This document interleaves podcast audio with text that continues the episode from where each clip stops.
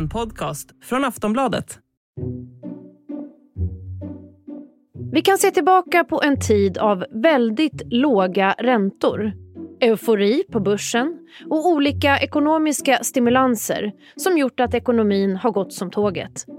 Men nu är det mycket som tyder på att festen i plånboken är på väg att ta slut. Året har börjat med röda siffror på börsen. Det väntas räntehöjningar och så har matpriserna stigit, galna elräkningar kommit och det är dyra droppar i tanken. Det är mycket som lagt sordin på stämningen kan man säga. Och det ser rätt dystert ut framåt om vi pratar hushållsekonomin. Men samtidigt, om vi lyfter blicken lite så är det inte konstigt att en förändring väntar. Man kan säga att saker och ting är på gång att hamna i ett slags normalläge.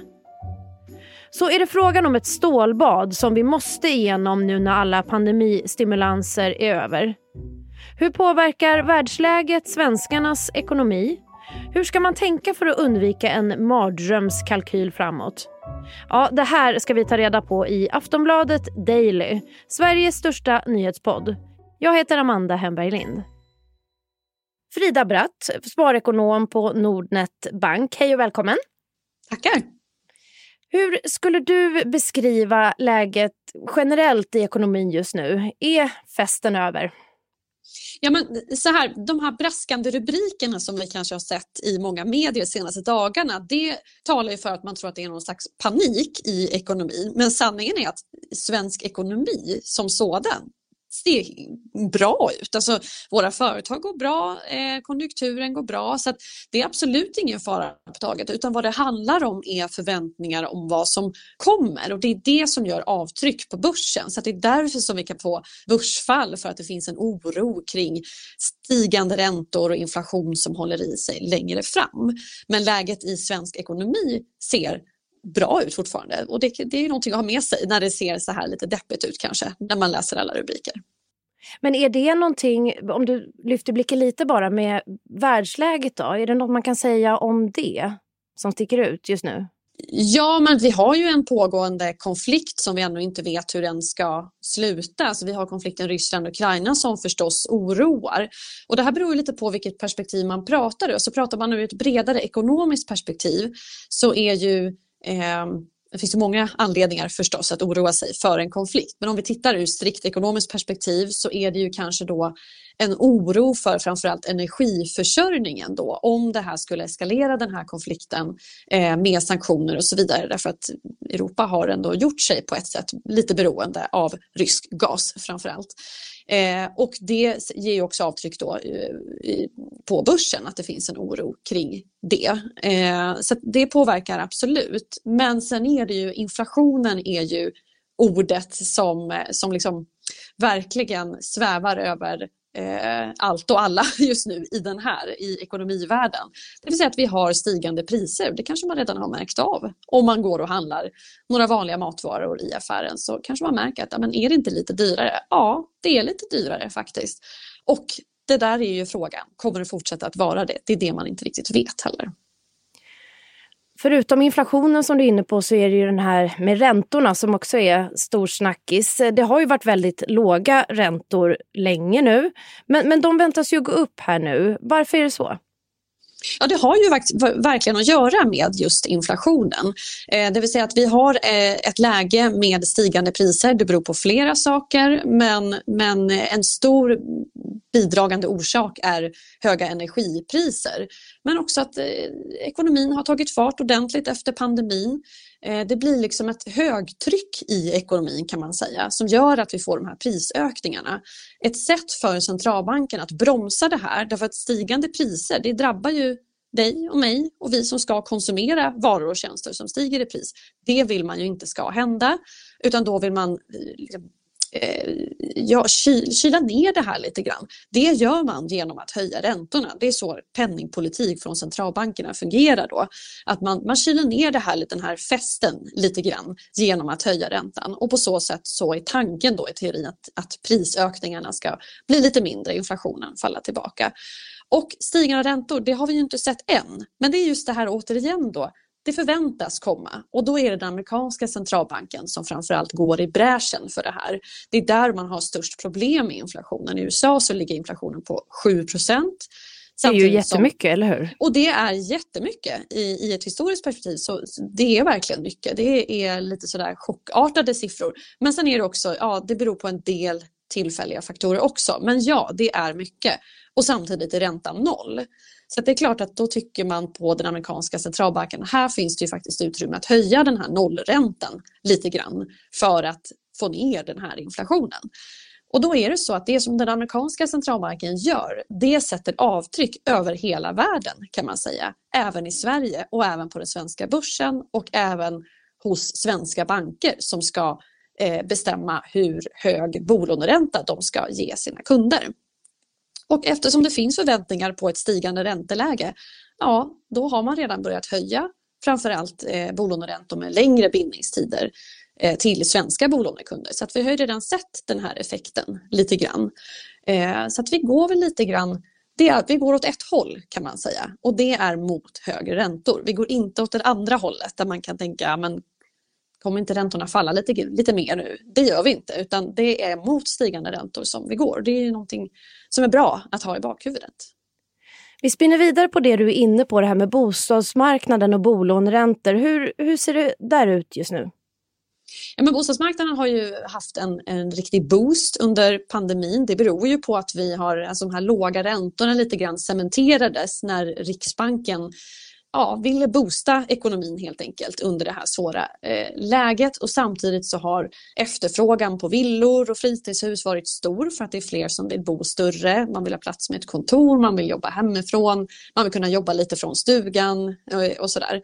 Eh, och så ser det ut fortfarande, men då är ju frågan, kommer det här kvarstå eller kommer det påverkas av att vi ändå går mot stigande räntor och eftersom priserna är ganska höga så betyder det att vi är lite känsliga nu mot stigande räntor. Alltså vi har höga skulder. Eh, så att en, en fördubblad ränta exempelvis, det gör ju rätt stor skillnad i plånboken. Eh, och det skulle ju då kunna göra att det här kanske lugnar ner sig lite grann. Alltså det finns ett tak för hur höga räntekostnader man vill ha. Eh, så det är ju någonting som man kanske tror jag i alla fall, bör vänta sig att det åtminstone lugnar ner sig på bostadsmarknaden. Eh, och kanske att den går i sidled eller så. Eh, inte den här boosten nu, utan jag tror att även här så är det, precis som på börsen då, ett litet skifte till följd av stigande räntor. Men om, om man får säga att ekonomin lite har varit dopad då, efter olika stimulanser och sådär. Man var rädd att det skulle gå åt fanders eh, på grund av pandemin och så. Är det, är det ett nödvändigt stålbad vi ska gå igenom nu?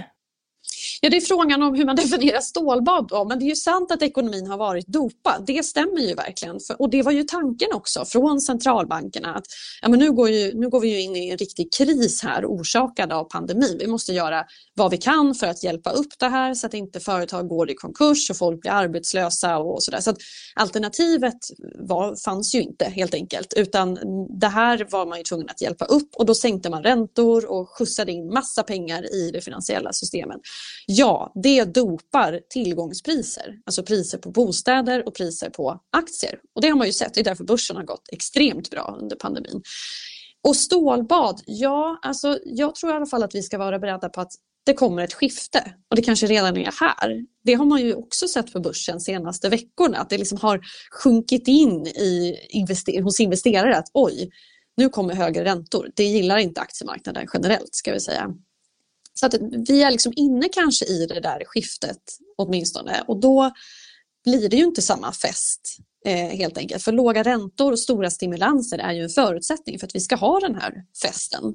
Så att ja, ett, ett skifte och eh, ja, för privatpersoner då att i alla fall vara beredd på att det kanske kommer lite andra tider då där det inte är den här festen utan en mer normal utveckling kan man väl säga. Hur om vi ska gå in på hur det här påverkar eh, gemene man då konkret?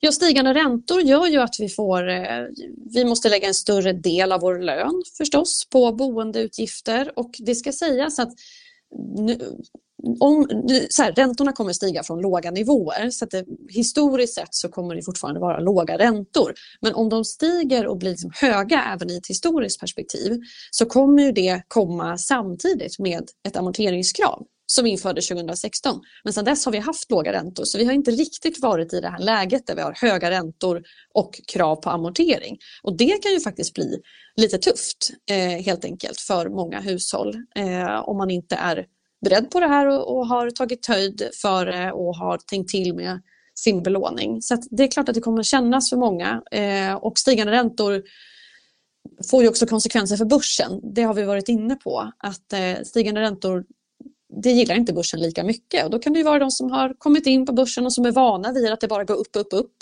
och så helt plötsligt så gör det inte det och då känns det väldigt jobbigt. Eh, så att rent psykologiskt så kan ju det också vara ja, jobbigt och särskilt om man har liksom, kortsiktiga pengar, pengar man vill använda snart på börsen. Nej, men det, det är jobbigt när det blir sådana här. Det är därför vi sparekonomer brukar tjata om att vara långsiktiga på börsen. Så att det har absolut stora konsekvenser för eh, alla privatpersoner på olika sätt.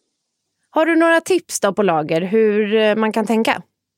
Ja, men jag tror det kanske låter tråkigt men jag tror att det kan vara bra bara att vara medveten om det här. Att det kanske är ett skifte nu och sen behöver inte det vara ett stålbad som vi var inne på utan det kanske bara är liksom lite tråkigare utveckling. Eh, sådär. Men, men att vara medveten om det och kanske räkna efter då i sin privatekonomi. Alltså skulle jag klara av dubbelt så hög ränta exempelvis. Vad, vad händer med min ekonomi då? Alltså det kan bara vara bra att räkna efter. Eh, och sen tycker jag när vi var inne på börsen där också som också påverkas av eh, stigande räntor, påverkas negativt ska sägas, att man just har långsiktiga pengar på börsen. Eh, därför att annars blir det sådär jobbigt. Man loggar in på sin bank och det lyser liksom blodrött och det är minustecken och det är jättejobbigt och det enda man vill kanske bara är att trycka på säljknappen och då är det lätt att man hamnar fel. Så då tycker jag att det smartaste är att känna så här, men jag, jag sparar till pensionen eller till barnen eller på lång sikt i alla fall. För då är det lättare att liksom vara lite lugn kring det här och känna att okej, okay, det är stökigt nu men det kommer ändå förhoppningsvis, det ligger i börsens natur att stiga på längre sikt helt enkelt. Så rätt pengar på rätt plats kan man väl säga, eh, tycker jag är en bra sak. Vad tror du då om eh, tiden framöver? Finns det något annat som kan hända eller blir det, blir det en mardrömskalkyl? Är det det som är i horisonten? Nej, det behöver absolut inte bli en mardrömskalkyl. Men det kan ju bli en annan kalkyl, en lite annorlunda kalkyl. Eh, eftersom vi ändå, som sagt, det är mot det här vi går om inte någonting händer. Eh, vad det nu skulle kunna vara, att vi får en ny virusvariant eller att det blir en konflikt som gör att den här ränt, de här räntehöjningsplanerna som världens centralbanker i princip har, att de inte blir verklighet. Men eh, eh, så ingen mardröm, men att man kanske bra att bara räkna efter att det kan ju bli lite annat. Och finns det någonting man kan dra in på i så fall så kan ju det vara bra att liksom förbereda sig på det. Så ett litet skifte där vi liksom går från den här festen, den här lite dopade festen helt enkelt, till ett mer, inte dåligt, men kanske mer normalt läge. Det tror jag ändå på. Och tror jag då att man gör sig själv en tjänst om man är liksom lite beredd på i alla fall. Tack så mycket för att du ville vara med. Tack så mycket. Det säger Frida Bratt, sparekonom på Nordnet Bank. Jag heter Amanda Hemberg Lind och du har hört Aftonbladet Daily. Tack för att du har lyssnat. Hej då. Du har lyssnat på en podcast från Aftonbladet. Ansvarig utgivare är Lena K Samuelsson. Jag heter Malin Wollin och nu finns Aftonbladets nya poddserie Malin blir en bättre människa i tio avsnitt bjuder jag in gäster som berättar hur vi ska förhålla oss till att leva i en klimatföränderlig värld. En del är försiktigt positiva, en del är positivt negativa. Om du vill få ett bättre grönare liv, lyssna. På köpet kanske du blir en lite bättre människa. Normally, being a little extra might be a bit much, but not when it comes to healthcare. That's why United Healthcare's Health Protector Guard fixed indemnity insurance plans, underwritten by Golden Rule Insurance Company, supplement your primary plan so you manage out of pocket costs. Learn more at uh1.com.